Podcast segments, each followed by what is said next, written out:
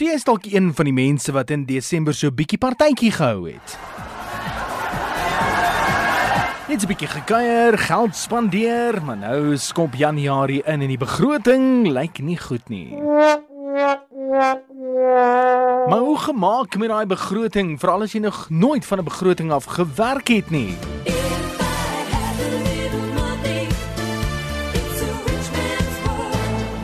Kom ons vind uit by die finansiële kenner, Wessie van die Westhuizen. Wessie, welkom by Middag op RSG. 'n Begroting kan 'n liderlike ding wees vir al die mense om nog nooit opgestel het nie en daar is mense wat nog nooit van 'n begroting afgewerk het nie. So hoe gemaak met 'n begroting? Ek dink een van die een van die grof daar's daar's 'n paar goed en ek gaan nou so deur 'n vinnige klompie goed hardloop um, om mee te begin. Ek dink een van die eerste dinge wat wat ouens moet begin is is wat se inkomste verdien hy? Wat oor die algemeen relatief maklik is want dit is op 'n salarisstrokie of iets en daarvoor gesê dit is dit is redelik maklik en daarna fisies gaan kyk wat spandeer hulle hulle geld op. Ek dink die skerry ding is as jy gaan kyk hoe baie mense weet nie wat hulle op geld spandeer nie. Hy weet nie fisies wat is sy uitgawes elke maand nie. En dit is 'n goeie beginpunt om begin en en te gaan lys wat is die wat is jou werklike uitgawes en dan praat ek van jou normale goed soos soos skuld, karbetalings, huisbetalings, en dan daarvan af jou operasionele kostes elke maand, um, water en ligte of huur, kos, skoolgeld, mediese fonds, daai tipe van van uitgawes daarna te kyk en daai goed te gaan lys en regtig te kyk wat is die kostes wat betaal moet word. En dan die ander ding is wat in Januarie ook inkom op 'n gereelde basis wat ouens baie keer vergeet van.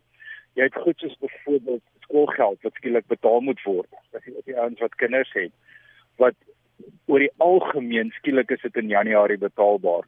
Daar's baie van jou van jou ledegelde, goed soos byvoorbeeld die AA is in Januarie betaalbaar. Ouens het gaan gaan ekstra skuld maak of ekstra geld spandeer op hulle kredietkaarte in in Desember. Um daai betalings kom nou in Januarie of einde Januarie gaan daai betalings deurkom. So om seker te maak dat daai betalings wat gaan deurkom wat jy nou op jou as jy nou jou lys van uitgawes neerskryf, is dit actually werklik in in in is daai uitgawe nog dieselfde nou in Januarie of het hy actually verander? Want baie keer verander dit as gevolg van van goed wat nou in Desember gebeur het. Wesie, hoe gevaarlik is kredietkaartskuld werklik? Die die probleem is wat dit dis dis maklik om die die die skuld aan te gaan en jy besef nie hoeveel skuld gaan jy aan nie en wat is die betalings wat jy wat jy invloed het nie. Dis punt nommer 1. Nou kredietkaart in, in as sulks is nie noodwendig 'n slegte ding nie, want 'n kredietkaart kan in sekere gevalle is dit is dit 'n belangrike en 'n handige ding wat jy kan gebruik. Die probleem is van 'n kredietkaart is hy hardloop so vinnig op sonder dat dit beplan word en daai kredietkaart word nie gebruik vir goeie skuld nie. Nou as ek praat van goeie skuld is kom ons sê byvoorbeeld 'n yskas het het gebreek en jy moet nou 'n nuwe yskas koop. Dan kan 'n kredietkaart daarvoor gebruik word. Die probleem is omdat dit nie fisies kontant is wat jy sien uitgaan uit jou rekening uit nie.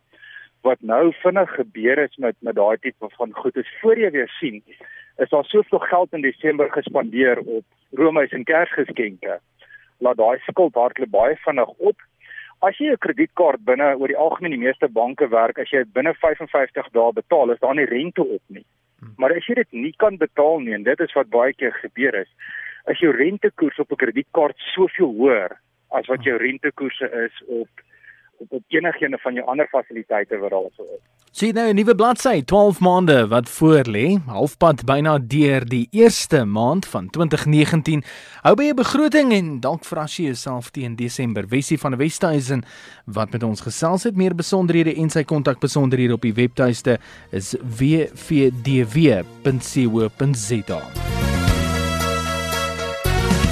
It's a rich